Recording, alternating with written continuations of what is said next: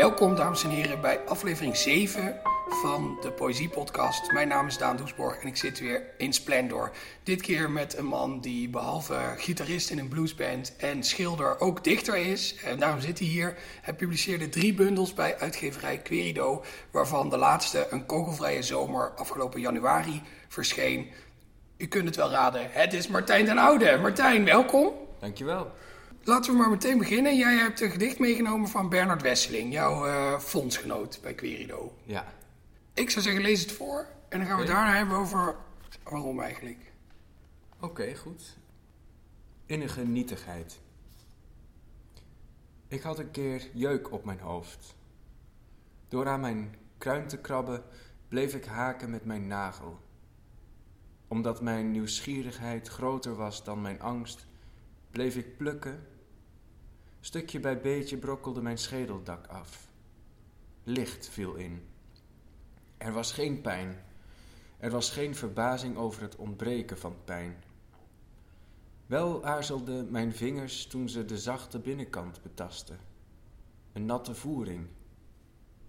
Voor ik het wist, had ik mijn weken delen volledig gehezen en hield ze in mijn handen. Boven, in mijn gekartelde hoofd, tochtte het en de rugpijn, waar ik vaak last van had door het vele zitten dat ik deed, was verdwenen. Toen bracht ik het brein tot op ooghoogte en zag dat het werd ontsierd door een fopbril, een fopneus en fopsnor. Ik nam het feestartikel af en meteen verscheen een nieuw. Dit herhaalde zich tot het brein doordat de temporale kwap loskwam als een schoenzool in klapperend lachen uitbarstte. Een spottend applaus dat onbepaalde tijd nagalmde. Ik snokte wakker, zat rechtop in bed, wreef me in het gezicht alsof ik mijn trekken uitwiste en beet de gescheurde nagel af, terwijl ik een innige nietigheid voelde. Dankjewel. Ja, Waarom viel je oog op dit gedicht? ik heb, het hem, eh, ik heb Bernard Wesseling dat gedicht wel eens voor horen dragen. En ehm, ik vond het een heel mooi idee, een heel herkenbaar idee. Dat iets fysieks aan jou als mens, terwijl je slaapt of in een soort van halfslaap zit, eh, je begint te tarten. Dus dan heb je daar geen controle meer over en dan kun je heel eenvoudig, zoals eh, Bernard dat hier beschrijft, ineens je hersenen, in dit geval dan, uit je schedelpan eh, halen en dat bekijken. Dus ik vind dat, eh, dat idee van jezelf en jezelf bekijken en de relatie tot je fysiek op een hele mooie manier beschreven. Ik vind het gedicht ook een hele ongemakkelijke samenkomst van, van die regels waarbij je een beetje moet huiveren. Hè? Dat, dat hele stuk over die gebroken nagel en je eigen schedel openkrabben. Dan lopen de koude rillingen mij over de rug. En tegelijk dat, hele slapstick-achtige deel met eh, dat brein dat zo'n Groucho Marx-achtige fopbril op heeft. En eh, dat als een, als een lachende schoen met een loslatende zool eh, openklapt. En de ontzettende Bernard Wesseling zinnen, ik snokte wakker. Het, het is qua sfeer een beetje een, een schizofreen gedicht. Het balanceert een beetje tussen de lezer een heel erg ongemakkelijk eh, gevoel geven bij, bij zijn eigen lichamelijkheid. En ook ontzettend amuseren, toch? Of eh, denk je, wat lul je nou, Doesboor? Nee, volgens mij heb je daar wel gelijk in. Ja, dat, dat, dat clowneske, dat, dat cabaret-achtige ten opzichte van iets wat heel, je heel erg dierbaar is, namelijk je hersenen. En dat daarmee de draak gestoken wordt. Dat is, is een heel mooi contrast. En dat is iets ook natuurlijk waar iedereen bang voor is, denk ik. Om voor zot aangezien te worden. Of dat je geen controle meer hebt over je intellect. En dat dat wordt overgenomen door iets wat niet echt is. Een, een, een fopneus in dit geval. Dus dat, ja, ik, ik snap die angst wel heel erg goed. Een mooi contrast ook. Tussen het intellect en de zotheid. Terwijl ergens is het, is het wel heel verhalend. ja, maar dan begint hij toch ineens over innige nietigheid. Ja, Wat twee woorden zijn die zo voor de vuist weg even in dat gedicht gegooid worden. Maar als je er dan even over na gaat denken wat hij daar nou precies voor twee dingen bij elkaar gooit, dan ben je daar wel eventjes zoet mee. Ja, ik geloof ook dat hij dat niet altijd, eh, als hij het voordraagt, dat hij dan de titel ook noemt hoor. Volgens mij eh, slaat hij dat ook wel geregeld over. Dus dan begint hij gewoon met: Ik had een keer jeuk op mijn hoofd. Ja, ik heb het hem ook wel eens horen doen. Waar Bernard vind ik heel goed in is, is om heel terloops heel diepzinnig te worden. Die gedichten van hem die hebben een soort ja, misschien ben ik wel gekleurd doordat ik hem wel vaker heb zien voordragen hoor. Maar die hebben een soort schutterigheid en een soort nonchalance. Het is een beetje een banale opening. Ja. Voor een gedicht dat uiteindelijk allerlei uh, bochten maakt en, uh, en uh, allerlei dieptes bereikt. En dan inderdaad aan het einde, als je tenminste die titel overslaat, gewoon nog eventjes in de genietigheid er tegenaan te gooien. Wat zo'n ontzettend geslaagde combinatie van twee woorden Ja. is. Ja, Ja, want jouw eigen gedichten zijn veel minder terloops dan die van Bernard, toch? jawel, eh, ik denk het in, in algemeen wel, maar ik kan ook wel af en toe terloops schrijven hoor. Dat ik dingen wel laat gebeuren en dat dat het zo tot stand komt. Maar ik geloof dat, ja, misschien is Bernard daar wel wat, eh, wat sterker in. Ja, vind je het terloops? Want zo komt het wel over, maar ik geloof dat het heel uitgebeend is en heel doordacht. Nou, terloops is natuurlijk een beetje een eh oneerbiedige eh, omschrijving. En Ja. ik zou de poëzie van Bernard eigenlijk ook helemaal niet in één woord als terloops willen karakteriseren. Maar wat ik, wat ik bedoelde is die, die nonchalance die hij Ja, oh ja. wel degelijk natuurlijk afwisselt met... En eigenlijk ook juist waardoor hij ook veel beter wegkomt met ineens diepzinnig zijn. Ja. Omdat het zo contrasteert met die eh, eh, achterloosheid. Ja, ja, dat doet hij goed, hè?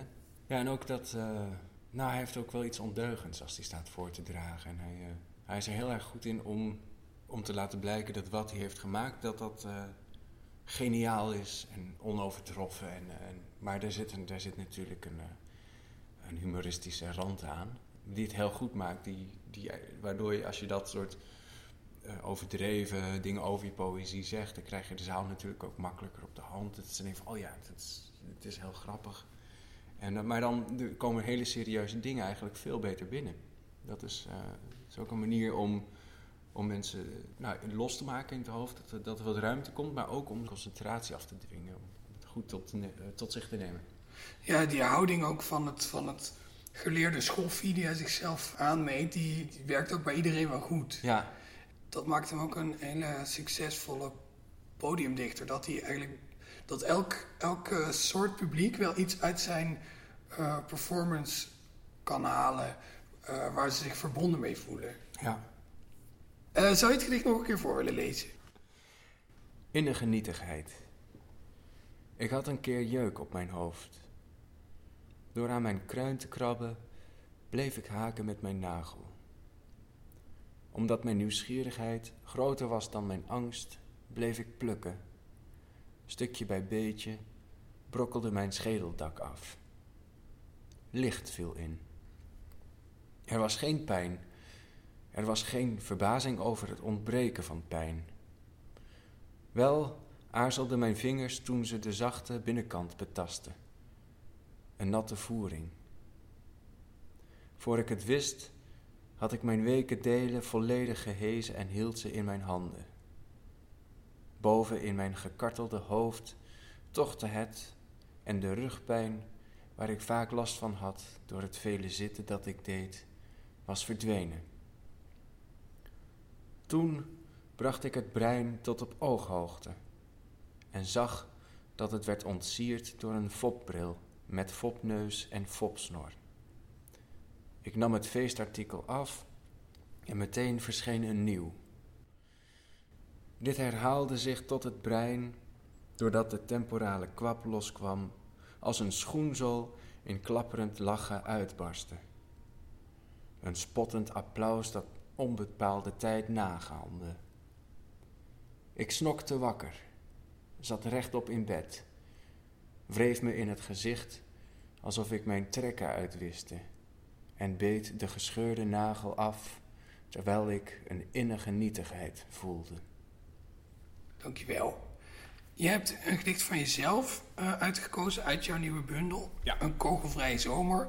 En ik vond het uitstekend passen bij dit gedicht van eh, Bernard. We kunnen het er zo wel over hebben waarom. Misschien moet je het nu eerst maar gewoon voorlezen aan de nietsvermoedende luisteraar. Ja. Buitengewoon vreemd, de gedachte over het lichaam die in mij opkwamen toen ik mezelf uitkleedde voor de spiegel en me voorstelde dat ik geen man meer was, maar een vrouw van twintig, met een prijzenswaardig lichaam, met vormen van veldbloemen en wijnglazen. Een mond vol, dik en een tong waaruit de poriën honing druipt.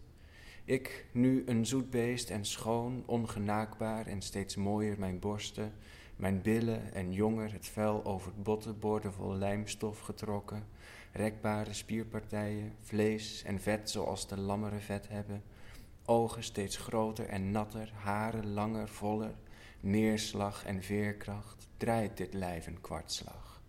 Knijpt billen samen, een blik schiet langs de opgetrokken schouder, rond en zacht veert dit wellustig wezen op, en daar veren de jonge uitwassen mee en trillen mee. Die o zo gewelddadige vormen waaraan alle pasgeborenen zich laven en bij in slaap vallen, en altijd in slaap willen blijven vallen, in een diepe, troostende, zuigende slaap vallen en tuimelen en buitelen, de aangename jeuk in de onderbuik, met dat diepe naveltje en het grote, onaangeroerde geheim. Vreemd dus dat nieuwe lichaam en vreemder de afgunst jegens het oudere, meer vertrouwde lijf van een jonge jongen met harde puntige hoeken en botten vol kalk, stramme spieren, zwarte harde haren, stoppels, gekartelde nagels en knoestige tenen, een vieze navel en vuige woeste ogen die gulzig verkrachtingen en brandende gebouwen opzuipen en er graag opgerakelde gedachten van vormen. Heel graag. 77 keer per dag speelt er een verderfelijk strijdtoneel in dat oerbrein. En boven alles dat zwellende vlees tussen de benen, dat telkens van grootte verandert en eenmaal vol met bloed moet worden geslagen en mishandeld, en wil mishandelen en wil slaan en penetreren. Dit grimmig beest met de tekening van een kwaadaardig wezen op de borst. Een knalharde schedel waaruit een gewei groeit en krult en het lichaam vangt als klimop. Dankjewel. Nou ja, de overeenkomsten tussen dit gedicht en dat van Bernard zijn natuurlijk best wel overduidelijk. Omdat het allebei hele lichamelijke gedichten zijn. En ook allebei vind ik een soort pijnlijke uh, voyeuristische intimiteit hebben. Je mag natuurlijk de ik in een gedicht nooit verwarren met de dichter. Maar bij Bernard en, en bij jou heb ik toch het gevoel dat, dat jullie de lezer hier heel erg een kijk in en om jullie eigen lichaam gunnen, die heel ver gaat. Hmm. Ja, dat klopt. En uh, Bernard was degene die mij uh, eigenlijk uitdaagt om, om zo'n metamorfose te beschrijven, of een, transformatie. Dus dat je je voorstelt dat je van de andere sekse bent. Want hij had dat ook geprobeerd in een gedicht en zei van nou, wat er dan gebeurt joh, dat, uh, dat, is, dat is wel heel leuk. Want je moet, je, ja, je, je moet daar ineens wat mee met, met die voorstelling van dat andere lichaam. En om dat op te schrijven, dat, dan kom je wel hele leuke dingen tegen. Inderdaad. En, en je, uh, op deze manier kijk je natuurlijk niet alleen naar je eigen lichaam, maar je probeert ook een voorstelling te maken van hoe het is als dat, als dat, als dat anders is. Dat, is. dat is heel erg leuk om te doen. En er komen hele, hele bijzondere dingen uit. Die je eigenlijk, waar je anders nooit bij stil had gestaan, denk ik. Het is eigenlijk een soort uh, het hooglied meets uh, die verwantloem van Kafka. Ja. Toch? Ja, dat ja. je, en wat ik er ook heel, heel mooi aan vind, of ja, mooi is, uh, een beetje een lastig woord in dit geval, maar uh, heel sterk aan vind, is dat je door dat andere feitelijk niet bestaande lichaam zo te prijzen en zo uh, lovend te omschrijven, wordt eigenlijk die beschouwing over je eigen lichaam misschien ook juist nog wel negatiever dan wanneer je alleen dat had gedaan. Die benige hoekigheid en die onderhuids sudderende driften, die worden des te beniger en hoekiger en sudderender en driftiger. Ja. ja, dat merkte ik wel gelijk. Dat op het moment dat je dus een vrouwenlichaam je daarin verplaatst, dan, dan denk je inderdaad aan ronde vormen natuurlijk vanzelfsprekend, maar ook veel zachter en lieflijker. En naarmate ik daarmee bezig was, werd inderdaad het idee over dat andere lichaam werd steeds extremer, eh, ja, hoekig. En, en eigenlijk gemeen en agressief. Uh, buiten proportie misschien, maar ik, ik ervaarde wel echt, uh, echt gelijk dat er een contrast moest komen. En wat ik ook heel mooi vind aan dit gedicht, is, en dat eh, kunnen de luisteraars die eh, vanochtend een melding op hun iPhone kregen dat er een nieuwe poëziepodcast is en nu bijvoorbeeld op de fiets eh, naar hun werk zitten, die kunnen dat niet zien. Maar de, de verstandige, bedachtzame mensen die deze aflevering luisteren, terwijl ze ook het artikel op de site van Vrij Nederland voor zich hebben, die kunnen dat wel zien. Namelijk dat het gedicht is eigenlijk ook opgemaakt als een soort spiegel. je hebt dan eerst dat grote blok, waar volgens mij geen regelafbrekingen in zitten, toch? Dit is gewoon omdat de afgebroken omdat de pagina daar ophoudt. Ja. Waarin dat vrouwenlichaam uh, besproken wordt. En daaronder, dat is één door opgemaakte blok, waarin dat uh, mannenlichaam beschreven wordt. En dan daartussen die drie puntjes, alsof dat uh, spiegel is. Of ben ik nu te veel jouw gedicht visueel aan het interpreteren? Nou, nee, dat is goed hoor dat je dat doet. En het is natuurlijk ook waar. Het zijn gewoon twee blokken die tegenover elkaar staan met een lijntje ertussen. Dus dat dat, dat de spiegel representeert, dat ligt natuurlijk wel ergens voor de hand. Maar ik probeer wel ook uh, ervoor te waken. er is hier een graafmachine aan de gang. En wel dingen aan het doen. dingen aan het doen. Ja, ik denk dat de, de zijgevel eruit gebroken wordt. Oh ja. Maar ik vind het een compliment voor de isolatie van Splendor dat we de graafmachine pas horen als hij ook echt gewoon de gevel begint dingen tegen de zijgevel aan het gooien is. Ja. Nee, dat is zeker goed geïsoleerd verder. Maar goed, waar, was je? De spiegel, de, de afbreking, de, de drie puntjes in het midden. Dus, maar dat ik er wel voor probeer te maken dat, uh, dat het visuele aspect in poëzie, dat dat niet te veel de boventoon gaat voeren. Want dan, ja, dan, dan, dan, dan krijg je zo'n visueel spektakel. En dat, dat kan heel erg mooi zijn als je een lyrisch gedicht zoals uh, Slag wil gaan maken. Maar als je zoiets doet, dan, dan moet het wel goed bij elkaar passen. Dus ik denk dat je daar heel voorzichtig mee moet zijn. Maar dat jij dat zag, dat, uh, dat is wel leuk. Maar, want jij experimenteert wel vaker met uh, vorm, toch? Ik ken ook in jouw eerdere bundels wel uh, van dat soort, ja, bijna, bijna conceptuele poëzie eigenlijk. Ja. Wat trekt je daarin aan? Um, nou, het, ik vind, ik vind een, een, gedicht is natuurlijk visueel heel herkenbaar. Het, is, het zijn eigenlijk een paar blokjes en dan een, een, een, stukje niks en dan weer een blokje en dan weer een stukje niks. En dat, dat is een heel herkenbare vorm. En uh, op het moment dat je daar taal in giet, dan heb je eigenlijk een gedicht, visueel gezien. Hè? Dus dan maakt het eigenlijk al helemaal niet uit wat daar dan per se aan taal in gegoten is. Maar visueel heb je dan dat gedicht. Dus ik vind dat gegeven uh, vind ik belangrijk. Want poëzie uh, heeft dat gegeven in zich. Dus daarmee mag je ook wel experimenteren, denk ik. Om te kijken van oké, bijvoorbeeld het andere gedicht dat hiernaast dit gedicht staat, is een uh, hoe noem je dat? Een uh, overlijdensadvertentie. Nou goed, hoe, hoe heet dit ook? Ja, ik, denk, ik zou zeggen een overlijdensbericht. Ja, een overlijdensbericht. Of een familiebericht heet dat geloof ik, hè? in de krant. Ja, dat staat ja, dan bovenaan die oh, familieberichten. Ja. Maar om dat dan een familiebericht te noemen, dat zou ik dan weer niet doen. Nee, nee dat is... Ik zou gaan voor overlijdensadvertentie. Hoewel dat ook wel raar is, alsof je een, een overlijden probeert te verkopen. Ja, inderdaad. En dat doet, dat doet het gedicht eigenlijk oh, kijk, maar, nou. maar bijvoorbeeld dan komt er zo'n kruisje bij, weet je wel, van de, de sterfdatum. En, en dat soort visuele aspecten, die vind ik altijd heel erg interessant. En zo'n blokje met gewoon een adres, dat zijn allemaal heel herkenbare dingen die, die we uh, alle dagen tegenkomen. En om dat uh, in, bij poëzie uh, dat erin te gieten, dat vind ik heel erg uh, interessant om te kijken of zoiets kan werken. En als je dat dan doet, wat wordt dan de poëtische waarde nog? En om daar een mooi contrast in te zoeken, dat vind ik heel erg leuk. Dus ja, ik ben daar, ben daar wel veel mee bezig.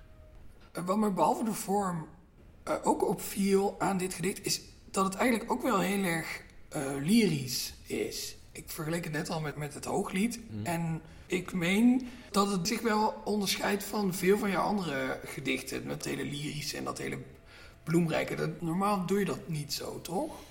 Nou, ik wissel het wel af. Dat lyrische aspect, dat, dat komt vaker terug hoor. En er zitten ook verwijzingen wel, zoals veldbloemen en naar, naar het hooglied en zo. Dus dat, dat klopt wel, dat lyrische. En dat, ik denk ook wel dat dat uh, uh, voor dit gedicht een mooie vorm is geweest. Omdat je met, met die lyrische vorm, ja, dat lichamelijk ook heel mooi kunt, bijna organisch maken. Dus wat, wat een lichaam ook is, een organisme, dat kun je dan door middel van taal, als je dat lyrisch inzet, kun je dat ook over laten komen, denk ik. Door dat uh, ja, lyrische poëzie ademt ook meer, denk ik. Dat is, ook, dat is wat organischer dan, uh, dan concrete of uitgebeende poëzie. En wat doe je dan om niet in de valkuil te vallen dat je er, dat je er zoveel veldbloemen in steekt dat het een, een wordt? Ja, ik denk dat dat ook uh, oefening is. Dus lyrisch schrijven is heel leuk om te doen, maar ja, het grootste gevaar is om, uh, ja, om je te laten gaan natuurlijk, wat ook moet, maar tot op zekere hoogte. Dus je bent denk ik altijd bezig met, terwijl je schrijft, ook met een soort van controlefiguur die over je heen kijkt, of op je schouder zit zelfs, of misschien die, die al direct verbonden is met, uh, met wat je aan het schrijven bent. Dus je hebt een bepaalde remming, toch? Dus als je, als je merkt van oké, hier, hier komt een grote golf aan, dan weet je dat je even weer moet inhouden. Weet je wel? dus er moet een bepaalde cadans in zitten en die ook de lezer weer bij, bij het hier en nu haalt. Door hele concrete dingen af en toe te noemen of om niet al te lastige en, en bloemrijke woorden te gebruiken, maar om dat een beetje af te wisselen en die juiste balans te vinden. Dus dat is denk ik door heel veel te oefenen is dat, eh, is dat wel mogelijk. Ik herken dat, dat idee wel van een, uh, van een controleur die op je schouder zit en, en met je meeleest en dan af en toe tegen je zegt: Ho, ho, den oude, dit gaat wel erg ver. Mhm. Maar heb je dan ook wel eens, ik heb daar zelf heel erg last van, dat die controleur te streng wordt en dat je eigenlijk bij alles wat je schrijft denkt: Ja, maar wacht eens even. Ja, ja, zeker. Maar dat is ook afhankelijk, denk ik, van de toestand waar je in verkeert op dat moment. Dus je kunt een keer s'avonds laat je bestanden openen en dan uh, je gedichten nog eens doorlezen. En dan denk je van, nou, dit is allemaal troep. Dit moet allemaal veel strakker. Dit kan allemaal niet. Maar dan twee dagen later kan je weer op een zondagmiddag met een kopje thee... kun je weer op een hele andere manier aan, tegenaan kijken. En denk van, nou, ja, zo streng hoeven we nou ook weer niet te zijn voor de poëzie. Ik denk dat tijd eigenlijk uh, datgene is dat je nodig hebt om erachter te komen of de dingen in balans zijn. Want daar gaat het uiteindelijk om. Ja, en in het, en in het begin schiet zo'n gedicht dan met elke redactieronde die je er overheen gooit nog heel veel op en neer. Maar dan uiteindelijk gaandeweg komt dat steeds meer op een soort equilibrium terecht. En dan op een gegeven moment is, is het af. Ja, voor sommige gedichten geldt dat, voor de meeste denk ik. Maar uh, bijvoorbeeld dit gedicht, wat uh, buitengewoon vreemd dat is eigenlijk meer in een stream of consciousness tot stand gekomen. En, en om die lyriek erin te krijgen is dat natuurlijk nodig. En dan is het ook heel erg lastig om daar heel streng uh, op te gaan redigeren. Omdat ja, je kunt een aantal woorden kun je misschien weghalen of, of net vervangen. Maar als je te veel gaat sleutelen aan, aan die stroom die het eigenlijk is, dan valt het op dat is net als, dat weet ik veel, dat je een waterval ergens zou af, afsluiten en dat ineens aan de andere kant een, een nieuw waterval komt. Weet je? Dat je denkt van, hé, hey, maar ik hoor nu van twee kanten ineens geklater. En uh, nee, dus dat, die stroom die moet, die moet erin blijven zitten. Dus daar kun je weinig aan versleutelen. En is dat dan ook waarom het deze vorm heeft? Met, uh, is eigenlijk nauwelijks een indeling in strofen en geen regelafbrekingen. Maar eigenlijk gewoon één ongestileerde bonk tekst en dan nog een ongestileerde bonk tekst. Nou ja, ongestileerd in ieder geval in de manier waarop het op de pagina gezet is. Ja, ja zeker, dat klopt. Ja, dat, uh, ja, om dat te benadrukken is het weinig interpunctie, gewoon één blok tegenover een ander blok, de spiegel ertussenin. Ja, en ik geloof ook dat, dat als je voor zo'n spiegel staat en je, en je gaat over dat soort dingen nadenken, wat ik trouwens niet heb gedaan, maar wat ik me heb voorgesteld, dan moet je ook wel, of nou, dan is de normale gang van denken, denk ik ook zo'n zo'n stroom. Dan ga je niet denken van, van nou, uh, nou, eens even kijken, wat, wat hebben we hier, weet je wel. Maar dan, dan, en je stelt je voor dat dat lichaam verandert, dan, dan gaat er ineens gaat daar een, een, een sluis open, denk ik. Zou je het nog een keer uh, willen lezen? Ja. Buitengewoon vreemd, de gedachte over het lichaam die in mij opkwamen toen ik mezelf uitkleedde voor de spiegel en me voorstelde dat ik geen man meer was, maar een vrouw van twintig, met een prijzenswaardig lichaam, met vormen van veldbloemen en wijnglazen, een mond vol, dik en een tong waaruit de poriën honing druipt. Ik nu een zoet beest en schoon, ongenaakbaar en steeds mooier mijn borsten, mijn billen en jonger het vel over bottenborden vol lijmstof getrokken, rekbare spierpartijen, vlees en vet zoals de lammeren vet hebben, ogen steeds groter en natter, haren langer, voller, Neerslag en veerkracht draait het lijf een kwartslag. Knijpt billen samen, een blik schiet langs de opgetrokken schouder. Rond en zacht veert dit wellustig wezen op, en daar veren de jonge uitwassen mee en trillen mee, die o zo gewelddadige vormen waar alle pasgeborenen zich aan laven en bij in slaap vallen en altijd in slaap willen blijven vallen. In een diepe, troostende, zuigende slaap vallen en tuimelen en buitelen. De aangename jeuk in de onderbuik met dat diepe naveltje en het grote, onaangeroerde geheim. Vreemd dus, dat nieuwe lichaam. En vreemder de afgunst jegens het oudere, meer vertrouwde lijf van een jonge jongen met harde, puntige hoeken en botten vol kalk, stramme spieren, zwarte, harde haren, stoppels, gekartelde nagels en knoestige tenen, een vieze navel en vuige, woeste ogen die gulzig verkrachtingen en brandende gebouwen opzuipen en er graag opgerakelde gedachten van vormen. Heel graag, 77 keer per dag, speelt er een verderfelijk strijdtoneel in dat vervuilde oerbrein. En boven alles dat zwellende vlees tussen de benen, dat telkens van grootte verandert en eenmaal vol met bloed moet worden geslagen en mishandeld en wil mishandelen en wil slaan en penetreren. Dit grimmig beest met de tekening van een kwaadaardig wezen op de borst, een knalharde schedel waaruit een gewei groeit en krult en het lichaam vangt als klimop. Martijn den Oude, dankjewel. Dit was aflevering 7 van de Poëziepodcast. Die wordt gemaakt door mezelf, Daan Doesborg, in samenwerking met Splendor, Vrij Nederland en de Stichting Literaire Activiteiten Amsterdam. De muziek in deze aflevering is van Bart de Vrees. En over een maand zijn we er weer met een nieuwe aflevering.